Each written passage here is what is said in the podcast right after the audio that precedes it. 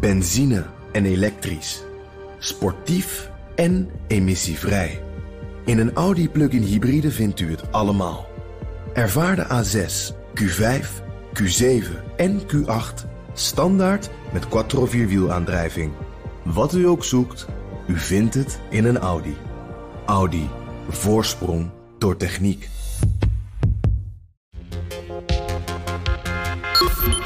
Ja, dan moet dat wel op Europees niveau gebeuren. Als, als enkele lidstaat merk je toch dat dan ook uh, vervolgens nou ja, China ook andere mogelijkheden heeft om landen ook nou, min of meer uh, tegen elkaar uit te spelen.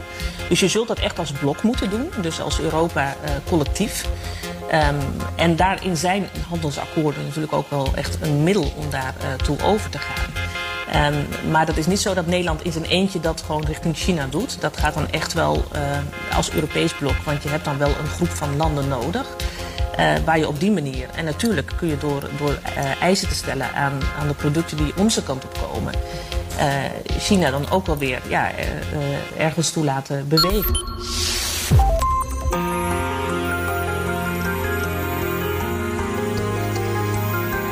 Je luistert naar De Stratege, een podcast van BNR in samenwerking met het Den Haag Centrum voor Strategische Studies. Mijn naam is Paul van Liemt. Nederland is wereldwijd koploper in landbouw.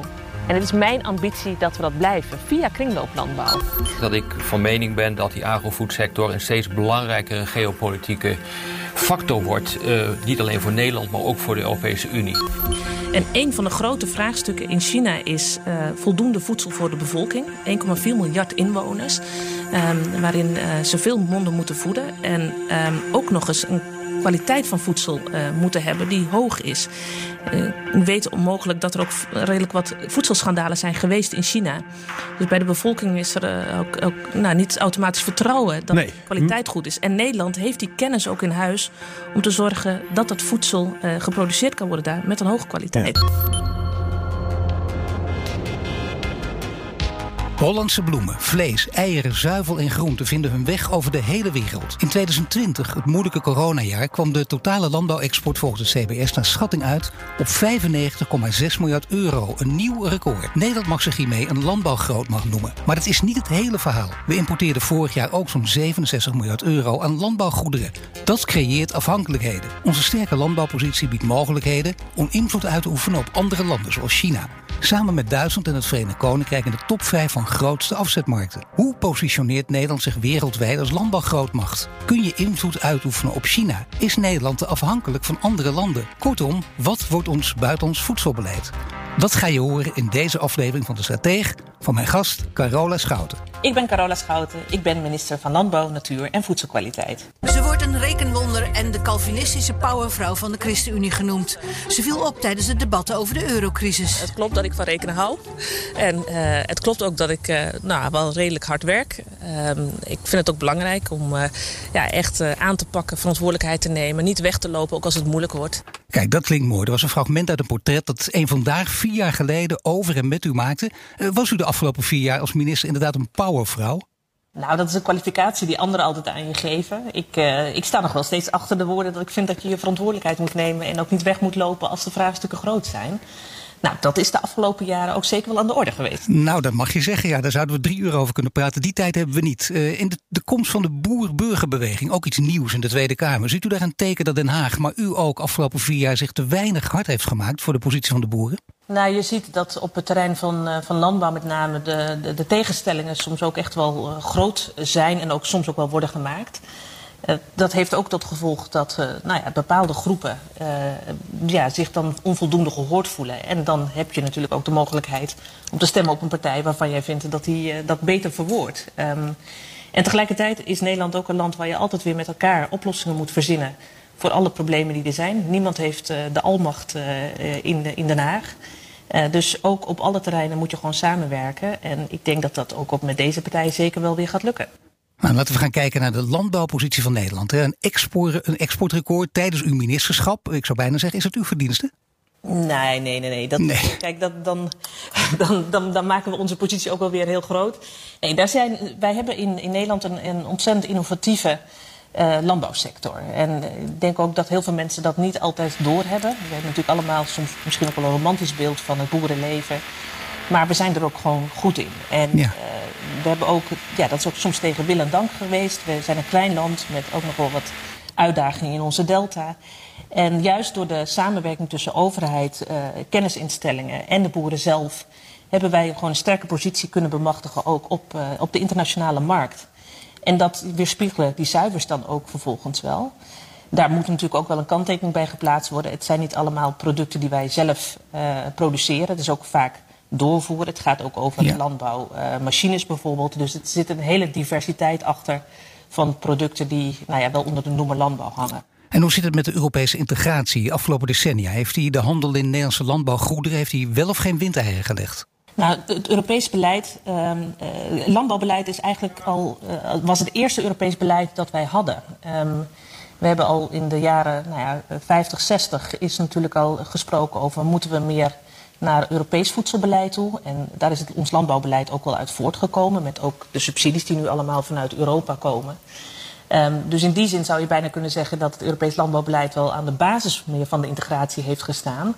Tegelijkertijd zijn onze belangrijkste uh, afzetmarkten nog steeds de Europese markten. Duitsland, uh, het, het, Verenigd Koninkrijk. Ja. Uh, we, dus wij hebben echt ook nog ja, onze, onze directe markten liggen voor het grote deel in, uh, in Europa zelf. Dus het is ontzettend belangrijk voor ons. Als je kijkt naar de andere kant, hè, de landbouw staat ook onder druk. Boeren maken zich zorgen over hun verdienmodel. Het gaat over de stikstof, over veranderende regelgeving.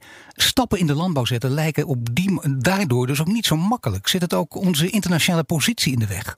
Nou, de, de uitdagingen zijn onmiskenbaar groot. En dat moeten we ook niet, uh, dat moeten we niet ontkennen. En we zien dat uh, op het terrein van klimaat, uh, biodiversiteit, kwaliteit van ons water, maar nu ook stikstof.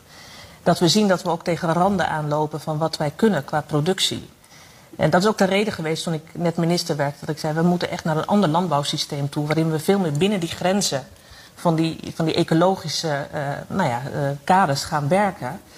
Want anders hou je ook ja. gewoon het niet duurzaam vol. En um, dus het is niet alleen omdat er regels zijn, maar ook omdat een boer de eerste is die merkt dat er klimaatverandering is. Ik had de afgelopen zomer was ik uh, nog in Zeeland en daar hebben ze dus sterk te maken met bijvoorbeeld dat uh, de verzilting van, van, uh, van ja, het grondwater. En daarmee dus ook dat, de, dat dat effect heeft op de productie van, van hun gewassen. Dus die boeren die, die snakken eigenlijk naar voldoende zoet water en, en ook hoe ze dat gewoon goed kunnen doen. Ja, dat zijn allemaal zaken die uh, ook mede te maken hebben met dat ons klimaat verandert, de droogte toeneemt. En ja. uh, dat het ook die boer zelf raakt. Maar wat dan te denken van het, uh, van het plan van voormalig landbouwminister, dus een oud collega van u, Kees Veerman. Hè?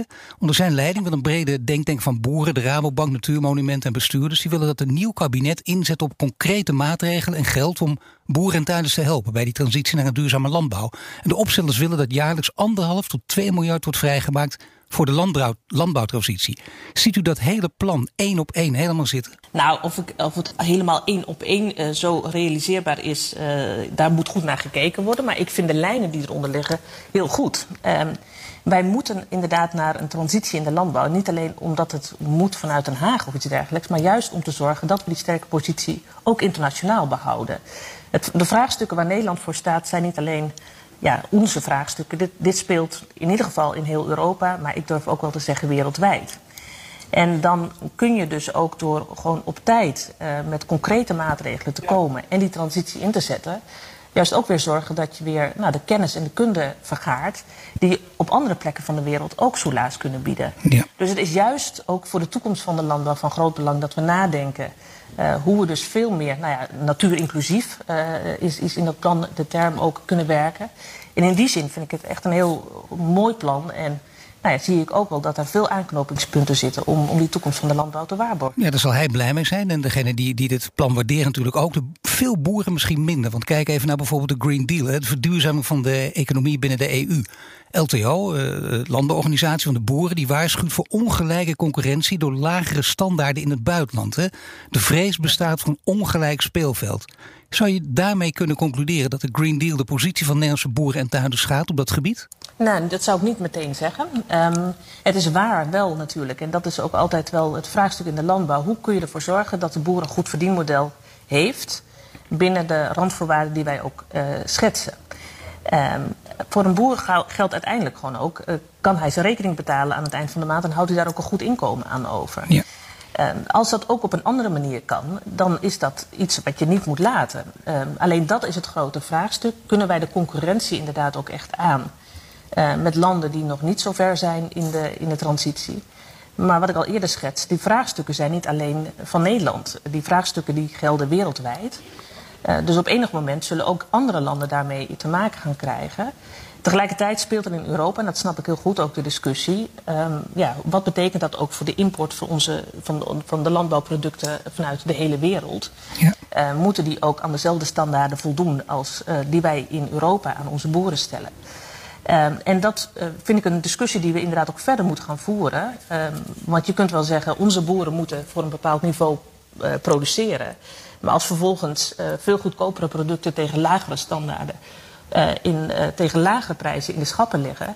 Ja, dan heb je wel het risico dat, dat onze boeren weggeconcureerd worden. En ja, dat is op korte termijn uh, een risico waar we gewoon ook binnen de Green Deal uh, moeten kijken wat de, de opties zijn om, om daar verder aan tegemoet te komen. Nou, we beginnen subsidies beter te richten.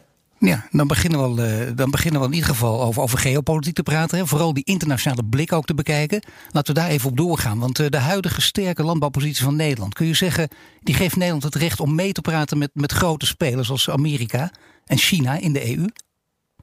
Het is nog ineens een vraag van of wij daar recht op hebben. Wij zijn een speler. En uh, dat zien ze internationaal ook. Um, wij, uh, het is nu in coronatijd, maar uh, de jaren hiervoor hebben we ongelooflijk veel handelsdelegaties ook vanuit andere landen gehad. Maar ook gewoon ministers van andere landen die komen vragen van wat zijn nou de, de kernelementen van jullie landbouwbeleid. Want misschien kunnen wij daar ook van leren. En dan gaat het niet alleen om de grote spelers als Amerika en China, um, maar dan gaat het ook juist om landen die heel erg zoeken hoe kunnen wij zelfvoorzienender worden ook in onze eigen voedselproductie. En dat is ook een element waarin wij in ons beleid uh, zeer op inzetten. Um, voorbeeld, wij hebben bijvoorbeeld in, uh, in Aziatische landen, maar ook Afrikaanse landen, um, is de vraag naar voedsel groot. Men krijgt steeds meer problemen met de, de zelfvoorzienendheid van de productie dan is nou ja, een, een, optie dat je meer afhankelijk wordt van andere landen. Met ook alle risico's van dien. Van als dat stokt of om geopolitieke redenen de, de, de ja. productie uh, of, de, ja, of, of, de leveringen niet doorkomen. Geeft dat gelijk heel veel onrust in die landen. Nederland zet dan bijvoorbeeld in op. Uh, wij hebben een programma dat heet Seed NL. Dat is gericht op uh, hele goede zaden eigenlijk naar die landen toebrengen. Die ook passend zijn bij het klimaat van die landen. Uh, maar daar ook niet alleen ja, de zaden exporteren, maar ook de kennis daarbij leveren, hoe ze daarmee moeten omgaan. En dat is denk ik een element waarin Nederland ook echt kan zorgen dat ja, de geopolitieke afhankelijkheden uh, nou ja, minder worden. Uh, of in ieder geval ervoor te zorgen dat landen gewoon meer zekerheid hebben voor hun eigen voedsel. Ja, ik zou zeggen dat is één deel van het verhaal. Als u het niet erg wil ik het ook graag even toespitsen op China. Want de EU sloot eind vorig jaar een handelsakkoord met China. Zet dit akkoord China dan meer open voor de Nederlandse landbouw? Uh, nou, voor China is een, uh, een belangrijke afzetmerk, ook voor Nederland. Uh, u noemde het net in de introductie al, het zit in de top 5. Dat heeft ja. ook wel te maken met een aantal specifieke producten die wij ook naar, naar China exporteren. Um, dat heeft een deel met, met varkensvlees te maken. Maar China is bijvoorbeeld, heeft erg te maken gehad met de Afrikaanse varkenspest. Um, maar zij zijn op dit moment bijvoorbeeld hun eigen veestapel weer helemaal aan het opbouwen, als je dat zo wil noemen. Um, ja. uh, zij importeren nu ook ongelooflijk veel, bijvoorbeeld granen, olie, dat soort zaken. En je ziet meteen dat dat effect heeft op de wereldmarkt. Die prijzen, in coronatijd zijn heel veel prijzen onderuit gegaan, alleen daar niet. Omdat uh, binnen China daar heel veel vraag naar is. Maar je weet ook dat op enig moment dat weer minder zal worden. En dan krijg je enorme fluctuaties ook in die markten uh, qua prijzen. Um, dus uh, ja, daar zitten aan de ene kant mogelijkheden ook voor Nederland. Aan de andere kant uh, denk ik wel dat we steeds moeten bedenken: is dit voor een korte termijn en is dat voor nu misschien een hele fijne handelsstroom, maar levert het ja. niet ontzettend grote fluctuaties in die markten op? Met ja. alle onzekerheden voordien voor ook onze boeren. Nou speelt er nog iets, hè? want dat, dat is, daar moet je dus op letten, die onzekerheden voor boeren. Maar je kunt ook ja. kijken, omdat we over geopolitiek praten en over China praten, er zijn ook zorgen over de toenemende rijkwijde van China. Uiteindelijk natuurlijk een autocratisch land. Uh, kun je in onze landbouwpositie kun je die gebruiken om invloed op China uitoefenen? Dat is een vraag die ook uh, Michel Rademaker van HCSS stelt. Hij schrijft in zijn artikel: Voer geopolitiek via de landbouw. Zou je dat kunnen doen, je machtige positie zo inzetten? Um, nou, we weten dat China gewoon via allerlei posities uh, ook invloed, geopolitiek de omgekeerde weg probeert te bewandelen. Um, je moet denk ik in die zin ook wel weer uh, opletten dat als je echt uh, via de landbouw helemaal de geopolitiek gaat beïnvloeden, uh, dan kan het ook omgekeerd werken. Dan wordt de onzekerheid ook enorm groot. Uh, een, een, voorbeeld, we hebben nu bijvoorbeeld in Nederland exporteert ook veel zuivel, dus de, de, de, de babyvoeding. Dat is denk ik wel een sprekend voorbeeld. Ja. Op het moment dat er nou ja, geopolitieke spanningen gaan ontstaan, dan kan China ook zomaar die markt weer sluiten. Men, men gebruikt dat zelf ook als een instrument. Um, dus het is niet zo dat, dat je dan uh, alleen maar zegt, nou ja, we proberen daardoor, je zeg maar, de afhankelijkheden kunnen gewoon over en weer zijn. En ook met alle gevolgen van die. Nee, natuurlijk, maar als je zelf buitengewoon machtig bent op een bepaald gebied, uh, zegt Rademaker, om even zijn, zijn punt toe te spitsen. Hè, want dat is mhm. misschien wel iets wat in deze discussie een rol kan spelen. Hij zegt een, een buitengewoon machtig instrument dat we kunnen inzetten zijn dus die handelsverdragen van de EU. Producten die niet aan onze standaarden voldoen, waar we het net even over hadden, die worden van de EU-markt geweerd, zegt hij. En dat dwingt buitenlandse producenten om onze standaarden over te nemen, geeft de EU dus veel macht in de wereld, creëert een handelsblok waar bijvoorbeeld China tand op stuk kan bijten. En dan kan Nederland en de EU daarvoor gaan ijveren en China dwingen om aan die Europese standaarden te houden. Zou dat toch een mogelijke weg zijn als die erom vraagt?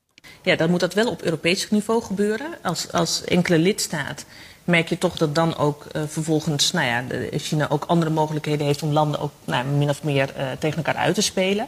Dus je zult dat echt als blok moeten doen, dus als Europa uh, collectief. Um, en daarin zijn handelsakkoorden natuurlijk ook wel echt een middel om daar toe over te gaan. Um, maar dat is niet zo dat Nederland in zijn eentje dat gewoon richting China doet. Dat gaat dan echt wel als Europees blok, want je hebt dan wel een groep van landen nodig.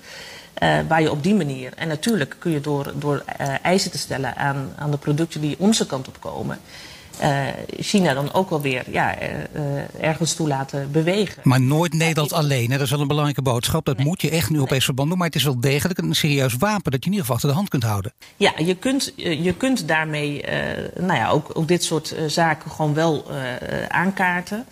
Uh, tegelijkertijd merk je nu dat, dat China is natuurlijk een enorme speler, ook, ook op, op het wereldtoneel. En um, wij hebben bijvoorbeeld gezien ook, uh, dat is natuurlijk altijd een, een in Amerika, tussen Amerika en China is natuurlijk een, een tijd ook een, nou ja, een soort van handelsoorlog geweest. Zeker. Uh, daar was bijvoorbeeld soja en, en, en landbouwproducten, was er ook echt inzet van die oorlog. Um, China gaat dan gaat zijn macht eigenlijk aanwenden door heel snel dan bijvoorbeeld naar Zuid-Amerika te gaan om daar de soja vandaan te halen. Amerika blijft met overschotten zitten op de sojamarkt. En gaat op een gegeven moment ook richting Europa zeggen: uh, ja, als jullie ook nog handel met ons willen voeren, moeten jullie ook iets met onze soja doen. Dus er zitten heel veel ook indirecte uh, afhankelijkheden in. Je kunt zeggen dat dat kansen biedt. tegelijkertijd vind ik ook dat we moeten oppassen dat we daar niet te veel afhankelijk van worden. En pleit Nederland dus bijvoorbeeld ook heel erg voor een Europese eiwitstrategie. Dat betekent dat wij ja. niet meer helemaal afhankelijk worden van die soja uh, vanuit Zuid-Amerika of Noord-Amerika. Maar dat wij ook als Europees continent zelf uh, daar veel zelfvoorzienender in worden omdat je anders ook een speelbal kunt worden in al die geopolitieke discussies die daar gaan spelen. Zeker, maar toch uh, nog even die geopolitiek vasthouden ten opzichte van China. Want al deze zaken die u noemt spelen uiteraard ook een rol. Maar uh, uh, Rob de Wijk, hoogleraar internationale betrekkingen, Universiteit Leiden.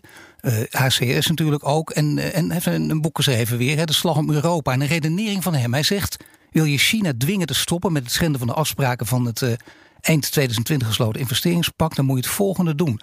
Hij zegt in China woont 20% van de bevolking terwijl het een structureel tekort aan landbouwgrond heeft. Dat zijn dan de feiten.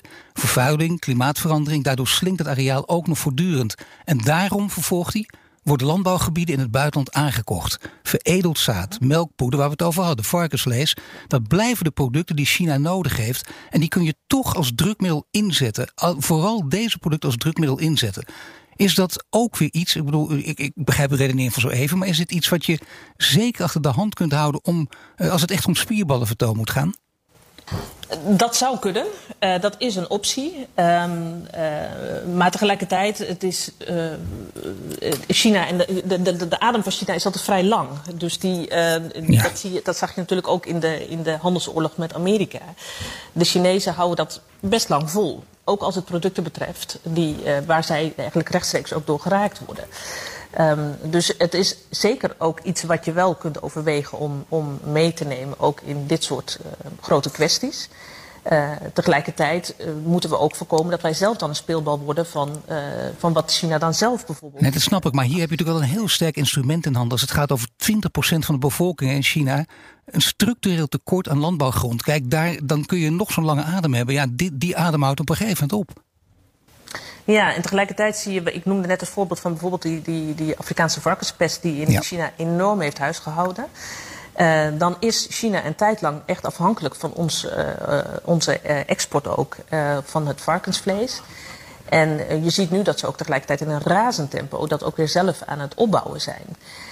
Waardoor je markt natuurlijk ook gelijk weer beïnvloed kan gaan worden. Um, dus ja, het is een middel dat je kunt inzetten. Um, maar onderschat in die zin ook niet wat China zelf dan weer vervolgens als, als zaken er tegenover kunt zetten. Um, dus in die zin is het iets wat, wat je niet als, alleen als een, een uh, nou ja, als een, een als tussen aanhalingstekens een botmiddel kan inzetten. Dat moet altijd wel ingekapseld zijn in nou ja, een grotere, bredere discussie, waarin je ook zelf zorgt dat je niet uh, te zeer afhankelijk wordt van markten die ook enorm kunnen fluctueren. Nee, want wij zijn afhankelijk. Hè? Een kwetsbaar punt, we hadden het er ook al even over. We importeerden vorig jaar 67 miljard aan landbouwgoederen. Die, die afhankelijkheid verminderen. Is dat, kijk, je moet op een gegeven moment toch prioriteiten gaan stellen. Is dit ook echt boven, staat die boven aan het prioriteitenlijstje? Het is uh, specifiek gericht op bepaalde zaken waar je minder afhankelijk van wil worden. Ik, ik noemde net het voorbeeld van de, van de soja. Dat is. Ja Um, veel van uh, onze boeren die gebruiken ook uh, sojaschroot. Dat is een restproduct van de, van de sojaproductie voor hun diervoeders.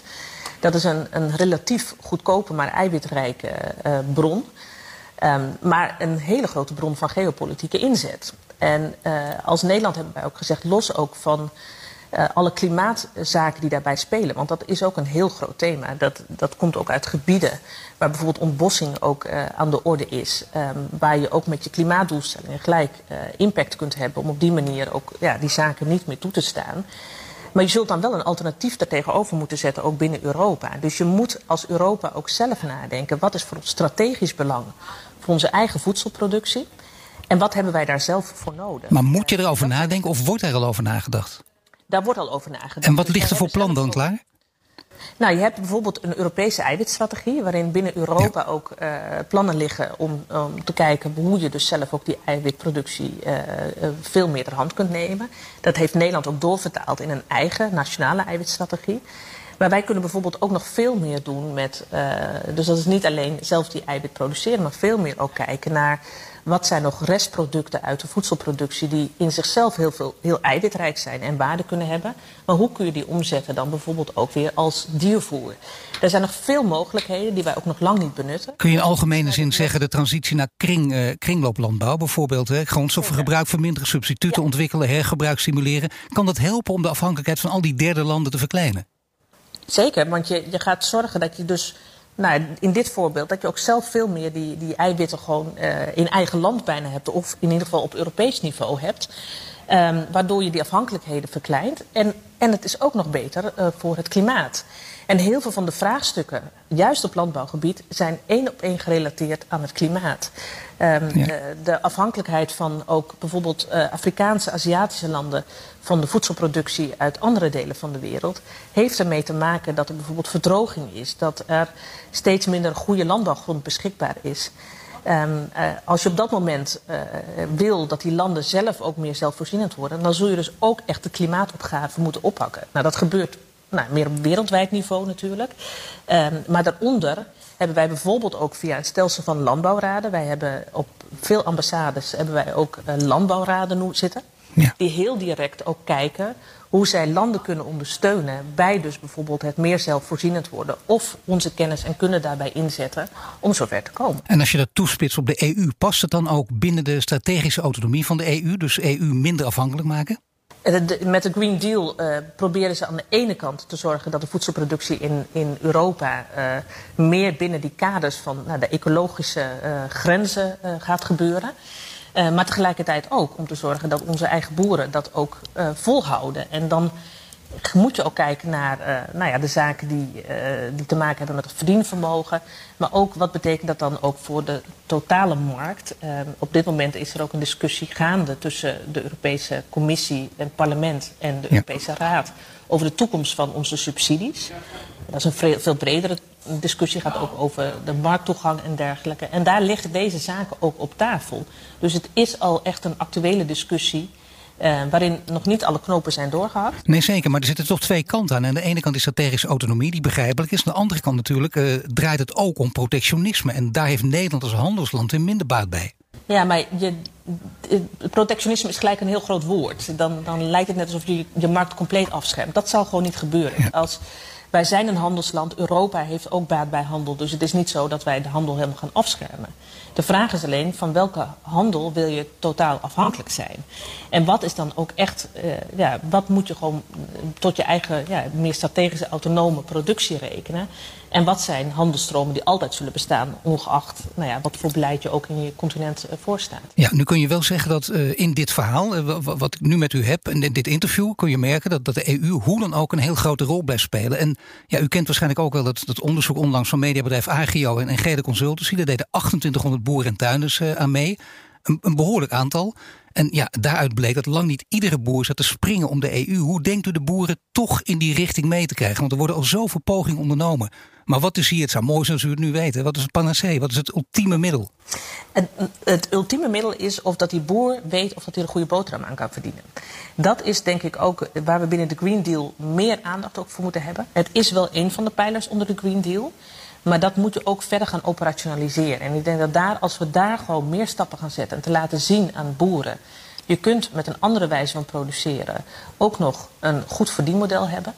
Um, en dan heeft het ook te maken met welke afzetmarkten heb je. Uh, hoe ga je ook als samenleving uh, die transitie meedoen? Want het is niet alleen een, een, transitie die boeren moeten maken. Maar op het moment dat we vragen van boeren om tegen hoge standaarden te produceren. Qua diergezondheid, dierenwelzijn, maar ook klimaat, biodiversiteit.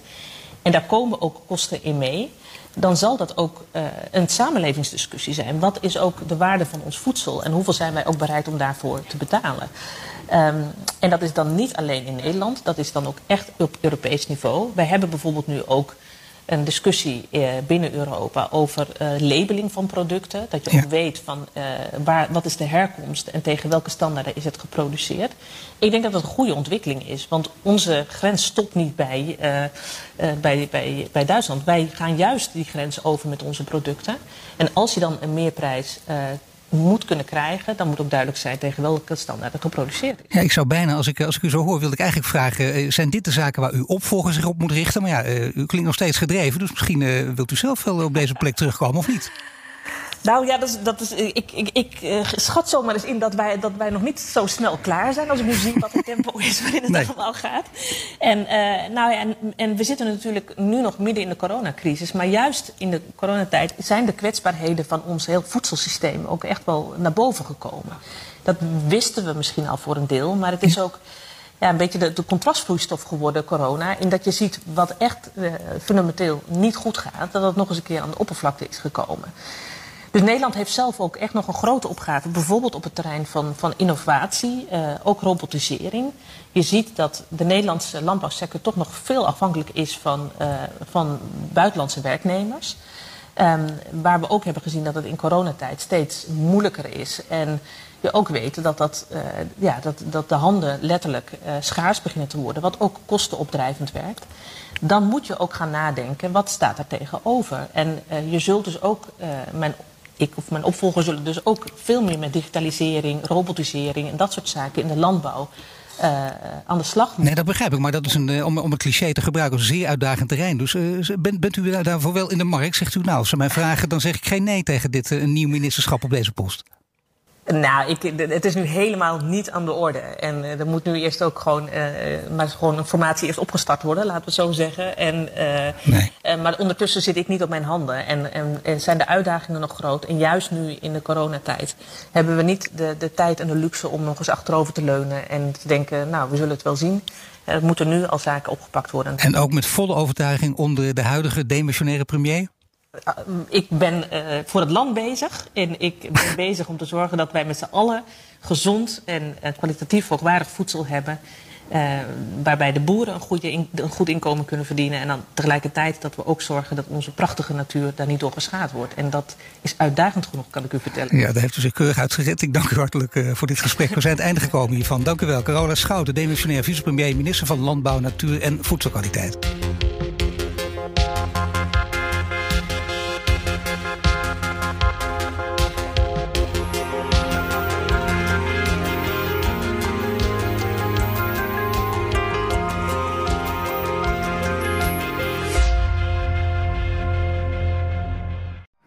Benzine en elektrisch.